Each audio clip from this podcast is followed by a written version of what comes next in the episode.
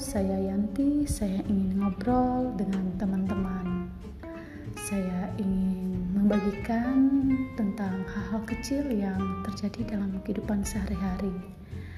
Berbagi pendapat ya.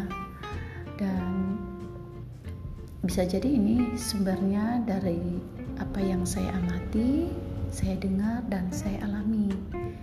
Dan karena ini pendapat pribadi, tentu saja ya tidak selalu benar.